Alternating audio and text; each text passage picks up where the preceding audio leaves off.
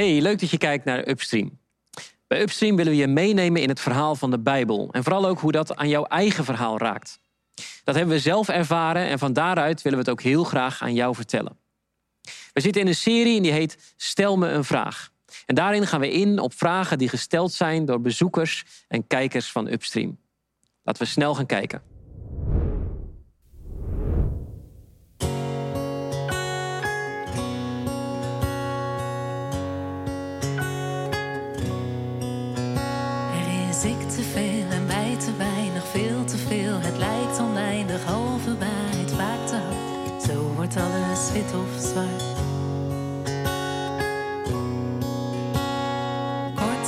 Klappen, snelle scoren, late context, niks verstoren, niet de geest, geen gevoel, alles voor dat ene doel. Grote koppen in het zand en zakken vol gebakken lucht. De waarheid en gezond verstand slaan hier op de vlucht. Wat is waar van wat ik hoor? Wat is waar van wat ik zie? Is het beter? Is het slechter? Is het echt of fantasie? Wat is waar van wat ze zeggen? Al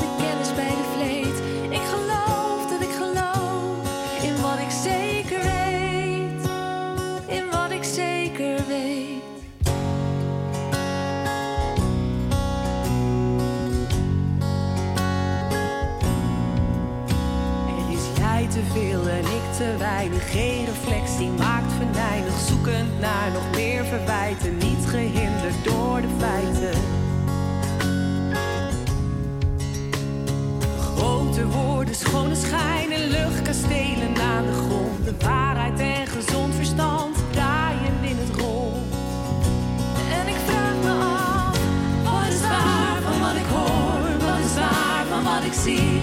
Is het beter, is het slechter, is waar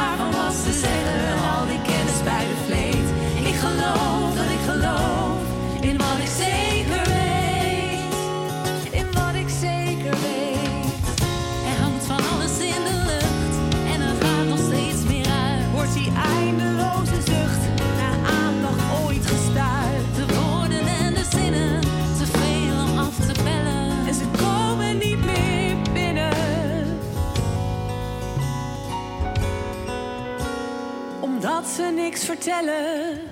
Wat is waar van wat ik hoor? Wat is waar van wat ik zie?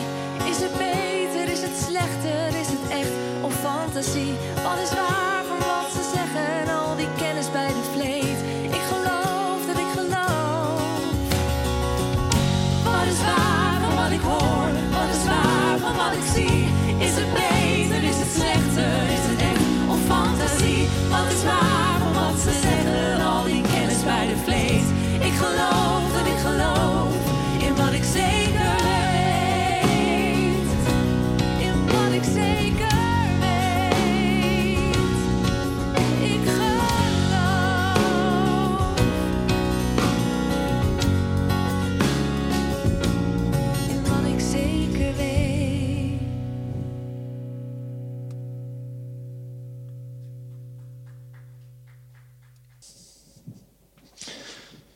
Ja, dat was het. Staat hij aan? Ja. Dat was het nummer Wat is waar van het album Tijd van Edwin Evers. Wat is waar kwam er in de tekst voorbij van wat ik hoor. Wat is waar van wat ik zie.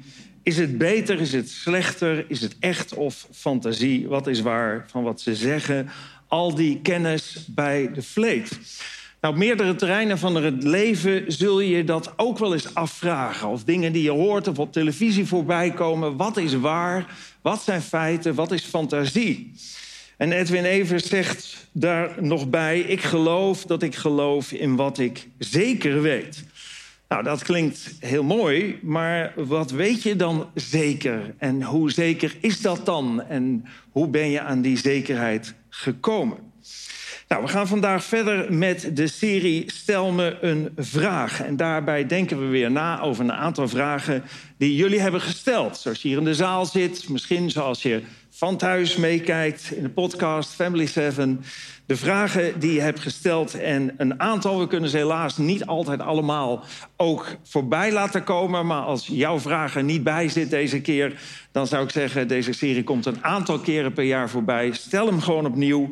Zet erbij, dit is nu de tweede keer. En dan uh, hopen dat hij ook aan de beurt komt. Vragen die we hebben gesteld waarbij de zoektocht naar waarheid, het zoeken naar zeker weten, uh, een beetje eigenlijk door alles heen gaat vandaag. Veel mensen denken, ik hoor het vaak zeggen, dat geloven, geloven in de God van de Bijbel, ik zal het specifiek benoemen, um, en zeker weten niets met elkaar kunnen hebben. Dat dat niet bij elkaar past. Dat geloof en zo gebruiken we het woord ook vaak slechts een aanname is. Als ik aan mijn vrouw vraag, weet je waar mijn zwarte schoenen zijn? En ze zegt, ik geloof in de bijkeuken. Eh, dan bedoelt ze eigenlijk, nou, kijk eens daar, dat denk ik. Maar als ze daar niet staan, zijn ze ergens anders. Dat, daar komt geen zeker weten uit naar voren. Maar dat is niet de manier waarop de Bijbel spreekt over geloof. Mijn geloof zo ervaar ik dat zelf, is een zeker weten. Een zeker weten dat deels is ontstaan vanuit overtuigende waarschijnlijkheden. Dingen die zo overtuigend waar eruit zien of betrouwbaar zijn of lijken, dat je aanneemt dat het waar is. Wij werken heel veel in ons leven met overtuigende waarschijnlijkheden. Als je in een vliegtuig stapt, zou je dat niet doen als 20% kans was dat hij neer zou storten. Maar omdat er zo weinig fout gaat, stap je daarin. De overtuigende waarschijnlijkheid dat het goed gaat, brengt dat je je daaraan toevertrouwt. Je gelooft dat dat betrouwbaar is. Dus deels is mijn geloof ingegeven door schijnbare waarschijnlijkheden, overtuigende waarschijnlijkheden. En deels is het ingegeven door bovennatuurlijke zekerheid. En dat klinkt misschien een beetje zweverig. Dat is het niet. Althans, als je dat gaat ervaren, ervaar je dat zeker niet als zweverig.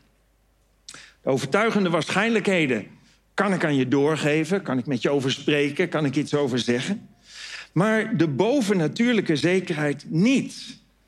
Maar wanneer je op zoek durft te gaan naar de waarheid, en die is niet altijd gemakkelijk te vinden, en daarbij open wilt staan voor de optie dat God echt bestaat, dan ga je de waarheid zeker ontdekken. Dat is een belofte die God zelf doet. Hij zegt: Wie mij zoekt, zal mij vinden. In de Bijbel staat achter de vraag wat geloof eigenlijk is, deze definitie, en daar zit weinig twijfel in.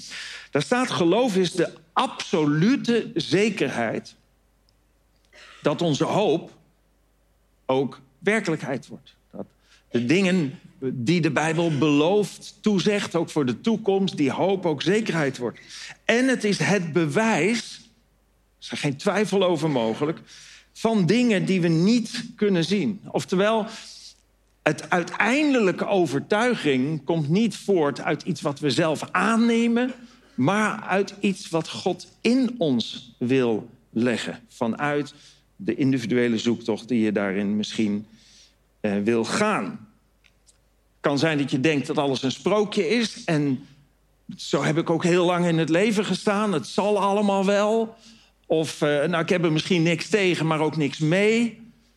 Maar stel dat het waar is, je zult in de rest ook horen hoe belangrijk dan die waarheid is. Zeer de moeite waard om te onderzoeken. Waarom is het zeer waarschijnlijk dat de Bijbel waar is? Ik noem kort drie punten naar aanleiding van het eerste nummer. Um, ten eerste de voorzeggingen die in de Bijbel keer op keer voorbij komen en ook uitkomen en uit zijn gekomen. Alleen rondom het leven van, van Jezus, zijn geboorte, zijn leven, waar geboren zou worden, hoe, hoe hij zou sterven. Daar zijn meer dan 50 voorzeggingen over gedaan in de Bijbel, die soms 7, 8, 9, 10 eeuwen daarvoor waren die letterlijk zijn uitgekomen. In de Bijbel staat dat God zegt: vergeet ook niet. Hij zegt dat bij monden van de profeet Jezaja. Een profeet is iemand die woorden namens God doorgeeft.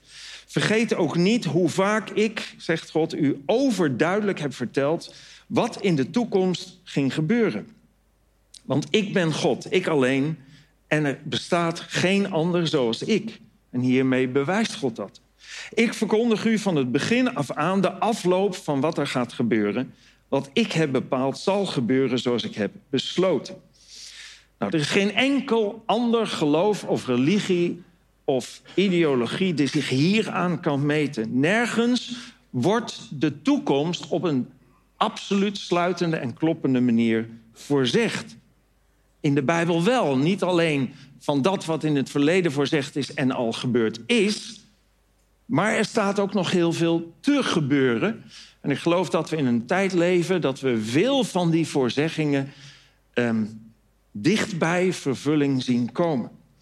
Tweede overtuiging zou kunnen zijn dat wat je vanuit de wetenschap in de Bijbel tegenkomt. Er staan dingen in, die Bijbel, in de Bijbel die pas veel later wetenschappelijk werden aangetoond. Bijvoorbeeld, ik kan er niet uitgebreid nu op ingaan over de hydrologische cyclus van de aarde, hè, dus, dus de waterhuishouding van de aarde. Dat staat al 17 eeuwen voor Christus beschreven, terwijl het pas 7, of 14 eeuwen voor Christus, terwijl het pas 17 eeuwen na Christus eigenlijk wetenschappelijk werd aangetoond dat het inderdaad zo in elkaar zit. Zo geldt dat ook voor de voedselwetten. Er zijn bepaalde dingen in de Bijbel aangegeven rondom voedsel. En waar God zegt, eet dit nou niet en dit kun je beter eten. Waar wij vanuit de wetenschap inmiddels ook hebben uitgevonden waarom dat zo is. Dus wat dat betreft zie je dat de Bijbel ook op dat terrein veel waarheden laat zien. Het derde, ik zeg wel eens dat ik met aan zekerheid, uh, zekerheid grenzende waarschijnlijkheid kan zeggen dat de dingen waar je de meeste spijt van hebt in je leven, en iedereen kan daar wel iets bij bedenken, dat die niet gebeurd zouden zijn wanneer je de kaders die God geeft voor het leven, uit liefde voor jou en mij, ook daadwerkelijk had gehanteerd. Die zijn niet altijd aantrekkelijk, niet altijd leuk misschien, maar dat is absoluut het beste. En hoe is het mogelijk dat de Bijbel zo nauwkeurig weet weer te geven waar we als mens echt gelukkig van kunnen worden? Dus om op de vraag van Edwin Evers terug te komen, wat is waar? Ik geloof dat er veel reden is om aan te nemen dat de Bijbel niet een oud en achterhaald, ja, het is al oud, maar niet achterhaald boek is, zoals ik vaak hoor zeggen, maar actueel en relevant met thema's die toen actueel waren, maar nu eigenlijk nog steeds. Relevant en waarheidsgetrouw. Een boek dat ook op jouw leven een onvoorstelbaar positieve invloed kan hebben, zoals dat ook in mijn leven heeft en vele anderen. Ik hoop dat je daar iets van gaat ontdekken bij Upstream en misschien in de antwoorden die vandaag voorbij komen. Ja, dan nu die vragen. Iemand schrijft: Hoe kan je begrijpen dat God altijd heeft bestaan? En hoe kun je dat aan vrienden of kennissen uitleggen? Hoe, hoe kom je daarmee, zelfs al geloof je dat zelf? Nou, de wetenschap is er het op hoofdlijnen over eens dat materie, ruimte en tijd tegelijk zijn ontstaan. Ik zeg op hoofdlijnen, want er zijn ook wel wat andere theorieën. Maar het meeste wordt gedacht vanuit de Big Bang-theorie, de oerknal-theorie. Waar eh, alles op één moment, tijd, materie en ruimte, gelijktijdig moet zijn ontstaan. Je zou zoiets ook in de Bijbel kunnen lezen. De eerste regel in de Bijbel zegt: In het begin, daar ontstaat tijd, schiep God, dat is dan oorzaak, de hemel, ruimte en de aarde, materie. daar zie je eigenlijk dat dat ook als eerste regel in de Bijbel zeg maar ontstaat. Er is één groot verschil. Of alles komt voort uit God als oorzaak, zoals de Bijbel dat beschrijft, of alles komt voort uit een zogenaamde singulariteit, zoals de wetenschap daarover spreekt. De wetenschap zegt er was ooit een heel klein puntje, zo groot als een punt achter een zin op papier. Sommigen zeggen zelfs zo groot als een atoom. En daar zat, zit alles in wat we nu om ons heen zien. De aarde, het heelal, alle planeten, alle sterrenstelsels, melkwegstelsels. Alles staat samengepakt in die singulariteit. Daar konden natuurlijk ook geen natuurwetten gelden, want dat moet een oneindige dichtheid hebben, een oneindige temperatuur. Alles moet daar oneindig zijn geweest. En dat is dan het verhaal van de Big Bang. Dat is ontploft en daar is alles uit ontstaan. Nou, in mijn perceptie heb je een heel groot geloof nodig om te veronderstellen dat alle schoonheid en complexiteit daaruit zou zijn ontstaan. Kijk, de herkomst van beide is onbekend. Die singulariteit, waar die vandaan is gekomen, dat kan de wetenschap niet zeggen.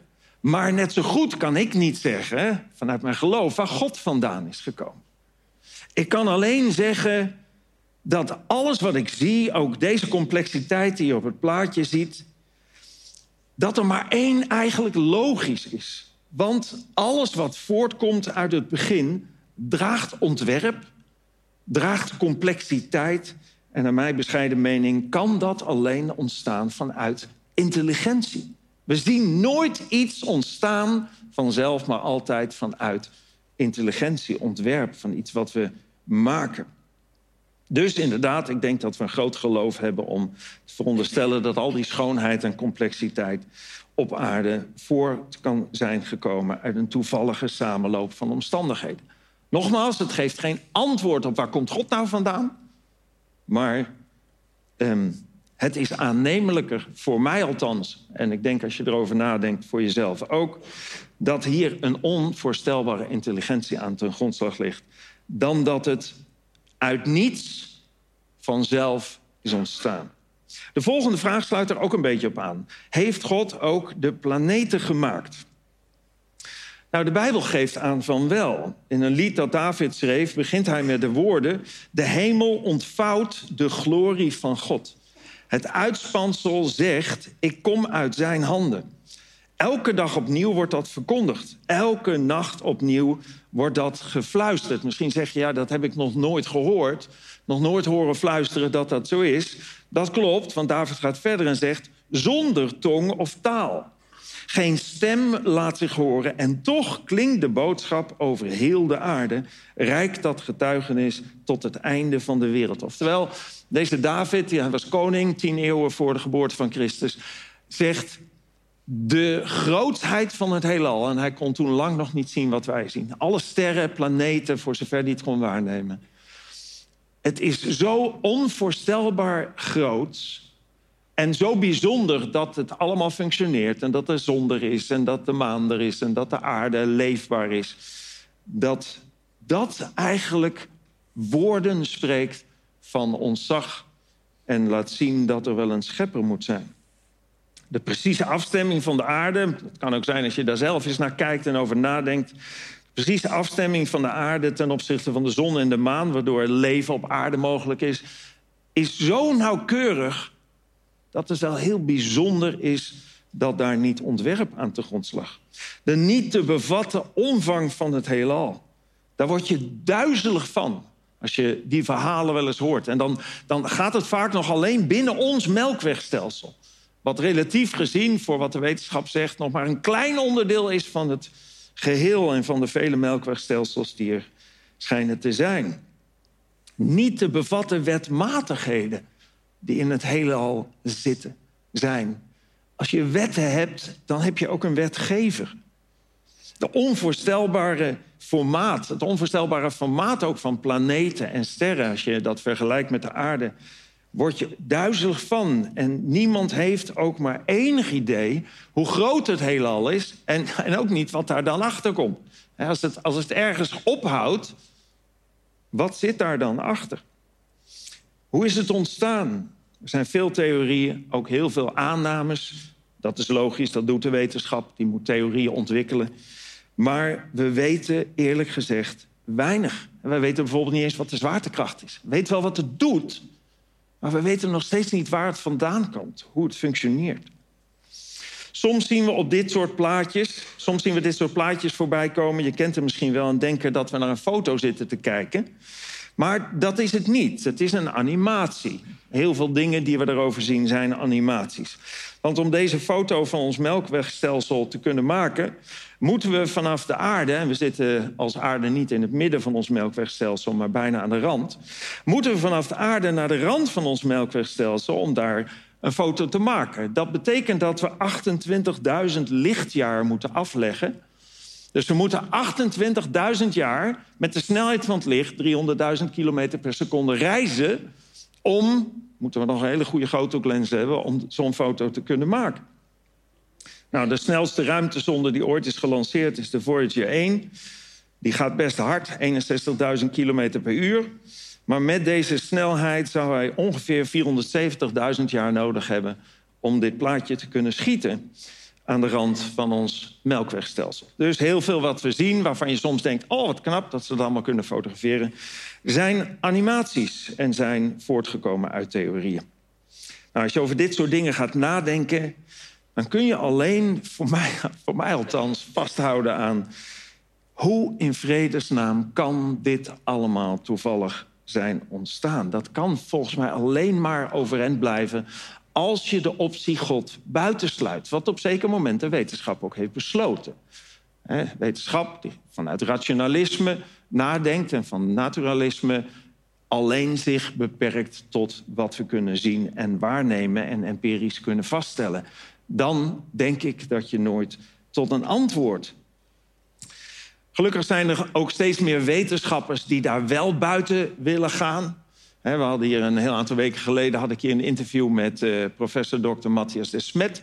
Die in zijn boek schrijft ook: er moet wel een God bestaan.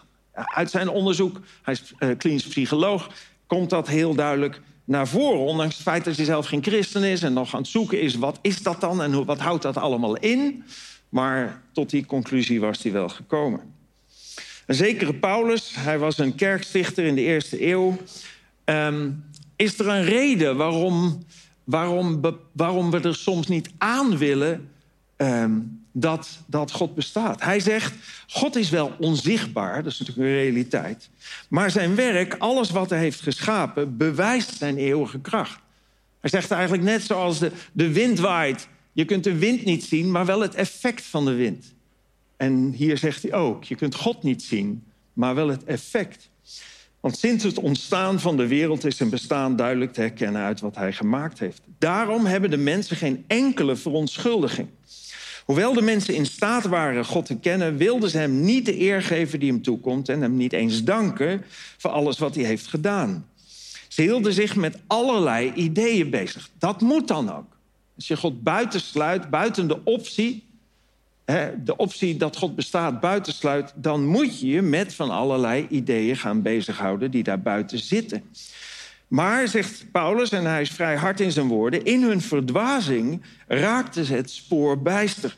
Hoewel ze dachten dat ze alles wisten, waren ze in werkelijkheid dom. Oftewel, als je God buitensluit, dan moet je zulke rare dingen verzinnen om het te verklaren, dat je ja, het spoor volledig bijster kunt raken.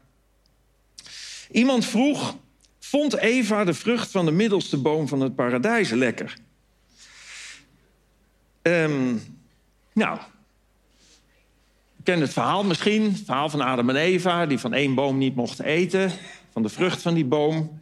En dan uh, ja, wordt Eva verleid hè, met de belofte dat als ze daarvan eet... dat God het juist achterhoudt. Omdat als ze daarvan eten, ze net zo als God zullen zijn. Dezelfde inzicht, intelligentie en kunnen. En dan staat er toen wilde de vrouw erg graag van de vruchten in de boom eten. Ze zagen er zo aantrekkelijk uit, dus staat niet dat ze lekker waren, maar wel dat ze er aantrekkelijk uitzagen. Ze wilde er zo graag van eten, omdat ze dan wijs zou worden. Dat bleek een leugen, maar ze geloofde het. Ze plukte een vrucht van de boom en at hem op. Ze gaf er ook één aan een man die bij haar stond. Hij at de vrucht op. Nou, staat dus niets over hoe ze de vrucht ervaren heeft. Maar ik denk wel dat die heel lekker was. En waarom denk ik dat? Omdat het heel vaak zo is dat dingen die eigenlijk niet goed voor ons zijn, wel heel fijn, aantrekkelijk en leuk kunnen zijn. Maar ik denk dat de nasmaak van deze vrucht heel bitter is geweest. En dat is eigenlijk met heel veel gevallen van wat de Bijbel noemt zonde, van die dingen doen die niet vanuit Gods koker komen en dus ook niet goed voor je zijn. Het is aantrekkelijk, het is lekker, het is fijn, het geeft bevrediging die je zoekt, maar de nasmaak is vaak bitter. De nasmaak kan schuld zijn vanuit je geweten, schaamte, angst, financiële problemen die voortkomen uit keuzes die je maakt, die zo aantrekkelijk zijn, maar een bittere nasmaak hebben. Een gebroken huwelijk kan eruit voortkomen. Allemaal dingen die voort kunnen komen uit keuzes die we maken, die aantrekkelijk zijn om te doen, maar een hele bittere nasmaak geven en een hoge prijs vragen om te betalen. Koning David, die duizend jaar voor Christus leefde, ik zei het net al, kwam er ook achter dat datgene wat aantrekkelijk is, niet altijd verstandig is om daarin mee te gaan. En hij keerde zich ook af van een aantal grote fouten die hij daarin maakte en zei uiteindelijk dit: De richtlijnen van de Heer, kwam hij tot de conclusie, zijn volmaakt. Richtlijnen, levensregels, kaders voor het leven, noem zoals je wil. Ze geven levenskracht. Wat de Heer afkondigt is betrouwbaar. Het maakt de onervarene wijs. Wat de Heer beveelt is juist, en dit is belangrijk, het is een bron van vreugde. En niet een tijdelijk genot, een tijdelijk leuk, maar blijvende vreugde die eruit voortkomen. Is dat altijd gemakkelijk? Zei het net al. Nee, het is niet altijd gemakkelijk, niet altijd aantrekkelijk. En om die reden houden mensen soms ook afstand van de Bijbel, van de kerk, van kerkmensen, van alles wat daarmee samenhangt. Want de associatie is, als je daarmee in zee gaat, dan mag niet meer wat je wil en dan moet wat je niet wil. Als je er echt naar op zoek gaat, en zo heb ik het in mijn eigen leven ook ervaren en ervaar ik het nog steeds, klopt dat zeker. Maar de dingen die ik wil, blijken heel vaak niet goed te zijn voor mij en mijn omgeving. En andersom. Iemand vroeg: iedereen is een creatie van God, maar waarom zijn kinderen dan zo slecht? Tussen aanhalingstekens, gelukkig nog wel. He, bedoelt, waarom doen mijn kinderen allemaal dingen die ik niet leuk vind? Nou, in de Bijbel staat dat God de eerste mens maakte naar zijn beeld en gelijkenis. iedereen is een creatie van God, staat in de vraag. Aan het begin van de Bijbel staat: En God zei: Laten wij mensen maken naar ons beeld en naar onze gelijkenis.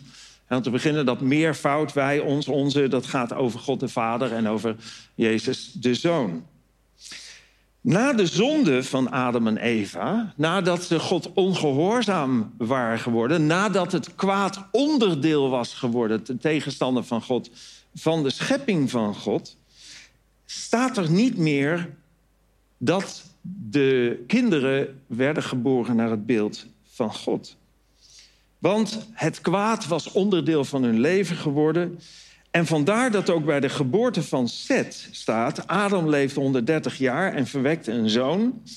naar zijn gelijkenis, naar zijn beeld. En gaf hem de naam Seth. Niet langer naar Gods volmaakte beeld, zoals Adam en Eva in eerste instantie waren maar naar het beeld van Adam. Het ging niet langer om een mens waar alles aan klopte, maar waar goed en kwaad onderdeel van was. En, en, en Seth erfde dat goed en kwaad. Niet als schuld, maar als verleiding, als iets wat hem ook triggerde. Dat goed en kwaad zie je al heel vroeg bij een kind terug. Het hoef je een kind niet te leren om verkeerde dingen te doen. Je hoeft een kind niet te leren om te liegen, als je daar ervaring mee hebt, of om te stelen of om gemeen te zijn. Sterker nog, een belangrijk deel van de opvoeding is het in goede banen leiden van dat wat een kind geneigd is te doen, wat je helemaal nooit geleerd hebt. Je afvraagt wie heeft dat kind dat geleerd. Um, wat een kind geneigd is te doen en wat je niet wil dat hij doet. Een kind erft van zijn vader en moeder. In eerste instantie natuurlijk uiterlijke kenmerken. Als je kijkt, dit is onze gezinsfoto van een tijdje terug. Um, uh, hier staan wij op, ik, ik met mevrouw Ellen, maar ook onze vijf kinderen. En die vijf kinderen hebben kenmerken natuurlijk van ons meegekregen. Je kunt met een beetje puzzelen kun je wel uitvinden wie zijn nou de kinderen en wie zijn aangetrouwd. Bij drie is het wel makkelijk. Twee hebben een kleur die Ellen en ik niet voort kunnen brengen. Eentje is iets kleiner dan gemiddeld in ons gezin. De andere twee kom je met een beetje puzzelen ook wel uit. De kenmerken draag je over. Trouwens, dat hele mooie hebben die kinderen niet van mij, want ik heb het nog. Um... Wat je ook overdraagt is natuurlijk een stukje karakter. Maar ook begeerte. Ook die verlangens die in mij zijn, die in Ellen zijn, dragen we over van ouders op kind, van ouders op kind. En zo gaat dat door. Mooie, maar ook minder mooie eigenschappen. En een kind wordt vanuit de puberteit eigenlijk verantwoordelijk voor zijn of haar wandel. Dan maak je je los van je ouders. Dat is een heel noodzakelijk proces om je van je ouders los te maken. En dan ontwikkel je eigen identiteit, maar word je ook verantwoordelijk voor je daden. En uiteindelijk blijkt de begeerte om verkeerde dingen te doen voor ieder mens zo aantrekkelijk dat dat leidt tot schuld. En uiteindelijk ook leidt tot een kloof tussen God en de mens. Jacobus schrijft: iedereen komt in verleiding door zijn eigen begeerte, die hem lokt en meesleept. die. Is de begeerte bevrucht, oftewel ga je in op die verleiding, dan baart ze zonde.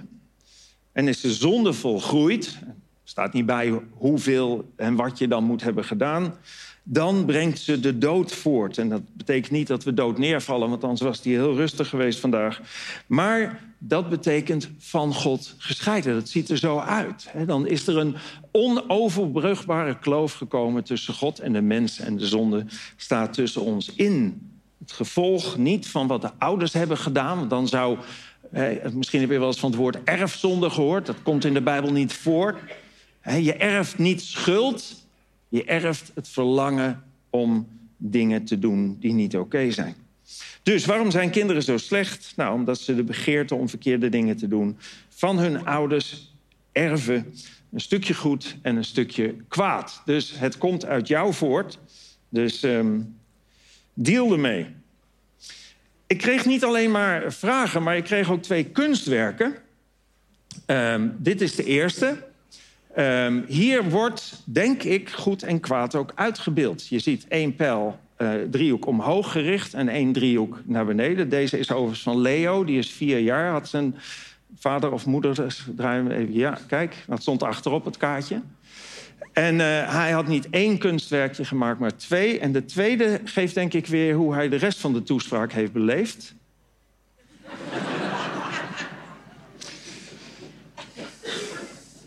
Nou, ik uh, ga gauw een keer kennis maken met Leo van vier jaar. Iemand vroeg, waarom is God onzichtbaar? Los van natuur, het leven, et cetera. Die tekst die we net ook lazen. Mozes zei ooit, mag ik u, zei hij tegen God, alsjeblieft... in uw volle hemelse macht en majesteit zien. God zei, ik zal je mijn volle goedheid laten zien. Ik zal zeggen wie ik ben maar mijn gezicht zul je niet zien, want niemand kan mij zien en in leven blijven. In de staat waarin de mens toen was al en nu is, is Gods heiligheid vernietigend. Het is bijna eh, hetzelfde als vragen of je de zon mag aanraken. We weten allemaal hoe dat zou aflopen als we zelfs al in de buurt komen. Dit heeft te maken met een vernietigende temperatuur en straling. Bij God heeft het te maken met een vernietigende heiligheid ten opzichte van hoe wij mensen zijn. De volgende vraag was ook heel leuk. Je talenten gebruiken. Ik heb geen talent. Wat dan? En geen gezeur dat iedereen wel talenten heeft. nou, dat is tenminste duidelijk. Hè? Die kant hoef ik dus niet op. Nou, dan heb ik een hoopvolle boodschap. Talenten die je niet hebt, kun je wel krijgen. In de Bijbel staat dat wanneer wij als mens opnieuw met God verbonden raken, als de connectie tussen God en de mens opnieuw ontstaat, we zijn geest ontvangen en dat je dan ook van Gods wegen gaven krijgt, noemt de Bijbel het. Talenten wordt vaak gezien als iets wat je van nature hebt. Nou, Deze vraagsteller of stelster heeft er geen. Maar je kunt gaven, talenten krijgen, zegt de Bijbel. Um, er staat in de Bijbel, Paulus schrijft het, God geeft in zijn liefdevolle goedheid verschillende soorten gaven aan ons. Maar ze komen allemaal van dezelfde geest, van, van God zelf. En er zijn verschillende soorten taken, maar ze komen van dezelfde Heer. Er zijn verschillende manieren waarop de geest kan werken, maar ze komen van dezelfde God, die al die dingen in de mensen doet. Maar iedereen krijgt deze dingen van de Heilige Geest om er de andere mensen mee te dienen. Dat is ook het meest vreugdevol om te doen. Nou, in de Bijbel staan een heleboel, ik ga het er nu niet uitgebreid over, een heleboel van die gaven, van die talenten die God de mens wil geven. En uh, dat is iets waar je je ook naar uit mag strekken. Wanneer je tot geloof komt. Wanneer je gaat geloven, ga je soms ervaren dat je dingen gaat kunnen of dingen kunt gaan ontwikkelen die je eerder niet kon, omdat dat iets is wat God je geeft. Een bovennatuurlijke gave of een bovennatuurlijk talent. Ik geloof dat er in de Bijbel wel veertig worden genoemd, dus zoek ze eens op. Iemand stelde de vraag, en dat tot slot, als God 100% liefde is en ik heb niet gekozen voor Jezus in dit leven, krijg ik dan na mijn dood nog een kans? Nou, God is, geloof ik, inderdaad 100% liefde. Hij is ook 100% rechtvaardig. God kan zich niet inlaten met onzuiverheid. En God moet als wetgever ook wetsovertreding natuurlijk corrigeren. En iedere mens draagt sporen van het kwaad. Sporen van dingen die we doen die niet passen binnen Gods kaders van liefde. Vandaar ook die kloof tussen God en de mens die ontstaat vanuit onze handel en wandel. En wat wij als mensen voelen en ervaren is een leegte. Ook al hebben we helemaal geen idee waar die leegte vandaan komt, maar we zijn vaak zo in ons leven op zoek naar het vullen van, onze, van een stukje bevrediging, van een stuk leegte. En om er iedere keer maar weer achter te komen dat de houdbaarheidsdatum van dat geluk, wat je dan vindt, maar zo kort is. En dan moet je weer naar iets anders en weer naar iets anders en weer naar iets anders. Ik heb in mijn leven ervaren dat wanneer die connectie tussen God en mij, toen die connectie tussen God en mij herstelde, dat dat zo'n diepe bevrediging geeft, zo'n diepe blijdschap, zo'n hoop en zo'n rust en vrede, dat die zoektocht daarmee ook stopt. Maar zoals ik vorige week uitgebreid heb uitgelegd, en je kunt dat terugzien op de website, kwam Jezus naar deze wereld om te sterven voor onze fouten en tekortkomen.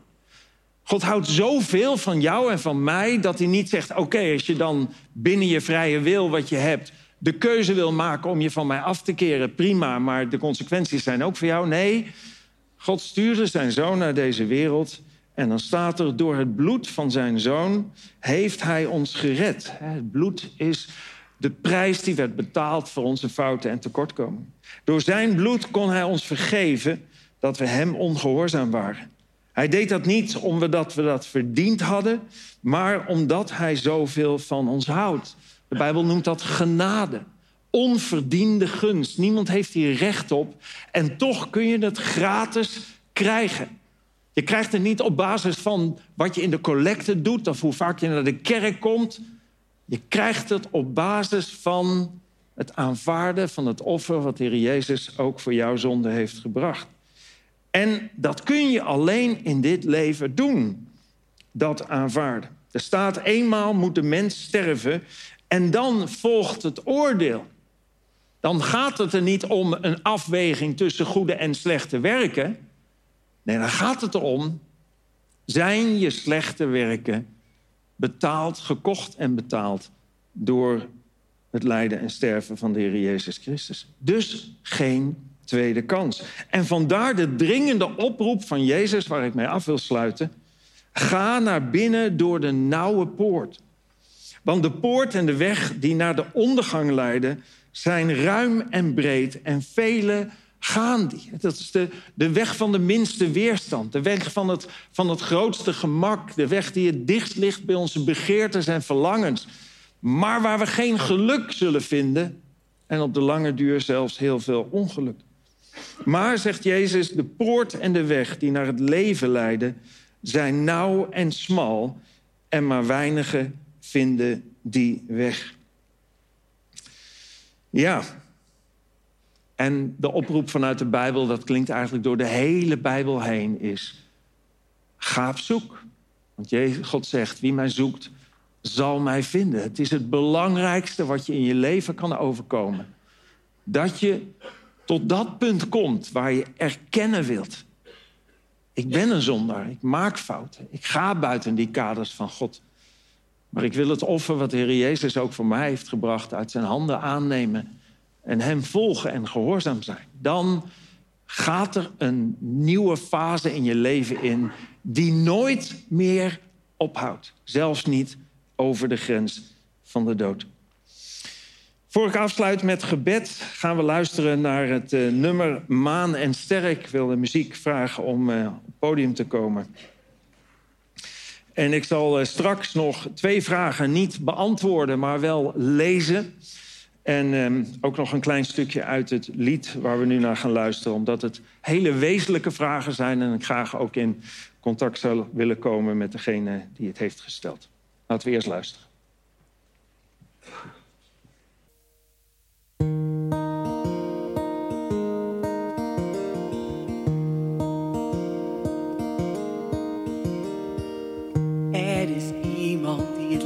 Schijnen in de nacht. Er is iemand die alles vormde toen hij sprak.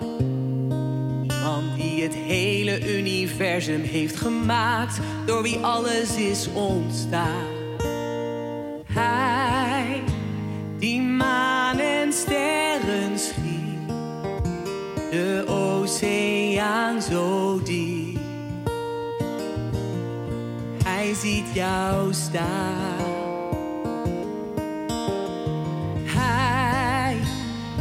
Ons tot leven riep, zijn adem in ons blies.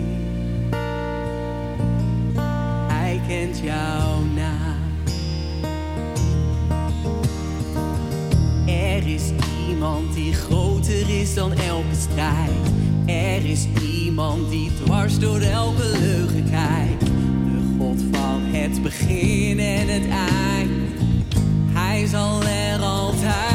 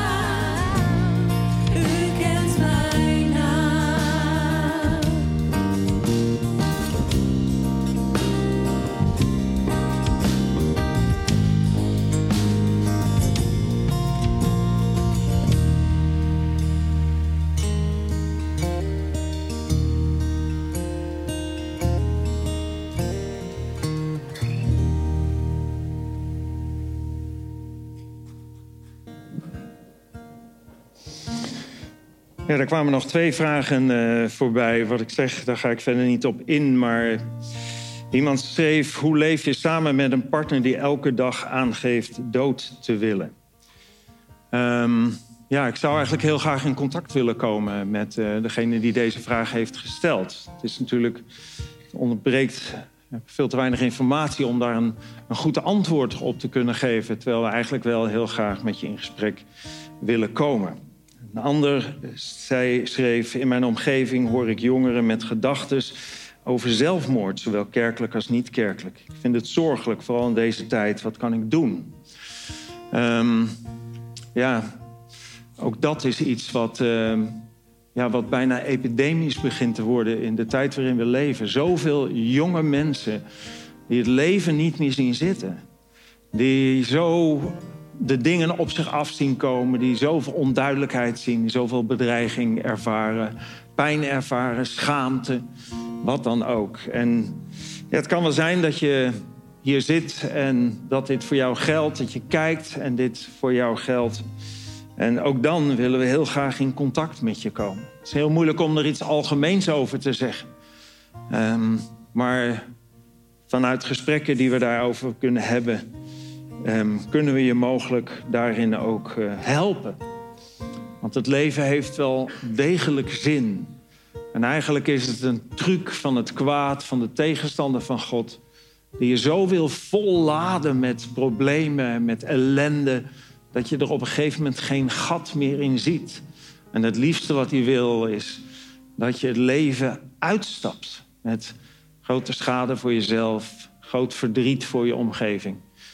Maar er is een weg uit. God is leven. En God wil je ook helpen. In het lied wat we net hoorden kwam het voorbij. Hij is iemand die moeilijkheden niet ontwijkt. Hij geeft kracht, hij geeft overwinning in de strijd. En zelfs als de allerbruutste storm op je wacht, houdt hij je vast. En dat is een enorme hoop, een enorm, um, ja, enorm iets moois. Wat vanuit Gods woord, wat vanuit de Bijbel naar je toe komt. En wat we ook heel graag met je willen delen. Er zijn zoveel mensen die hier komen die deze ervaring hebben, maar die hebben gezien dat Jezus daadwerkelijk de weg, de waarheid en het leven is. En dat als Jezus zegt, kom tot mij, alle die vermoeid en belast zijn en ik wil je rust geven, dat dat ook daadwerkelijk gebeurt. Ik wil graag afsluiten met gebed en ook daarvoor bidden. Heer God, ik wil u zo danken voor dit moment, voor de dingen die we mochten bespreken, voor de vragen die voorbij kwamen. Ik wil u bidden voor iedereen die hier zit, voor iedereen die dit ziet online, voor iedereen die dit hoort, in de podcast of op welke manier dan ook. Ik wil u bidden, Heer, of u ons hart wilt aanraken. Met uw liefde, met uw vrede. En wilt laten zien, Heer, dat uw woord antwoord geeft op iedere vraag. Dat u antwoord wil geven op een manier die niemand anders kan, omdat u rechtstreeks tot ons hart en tot ons denken kunt spreken wanneer we ons voor u openstellen. Ik wil u bidden, Heer, heel specifiek, omdat daar twee vragen ook van voorbij komen. Voor volwassenen, maar ook jongeren met een, met een doodswens. Heer, met het, met het verlangen om hier niet meer te zijn. Omdat dit leven zo hard en donker en duister en, en gemeen kan zijn. Heer, het is niet een leven zoals u het heeft bedoeld. Het is het leven wat wij mensen ervan hebben gemaakt. En u wilt ons een uitkomst bieden. U zegt, Heer Jezus, kom tot mij, alle die vermoeid en belast zijn. Ik zal je en wil je rust en vrede geven. Ik wil je hoop geven. Want het leven is niet hopeloos, want u heeft zelfs en in het bijzonder voor over de grens van de dood het mooist denkbare voor ons voorbereid.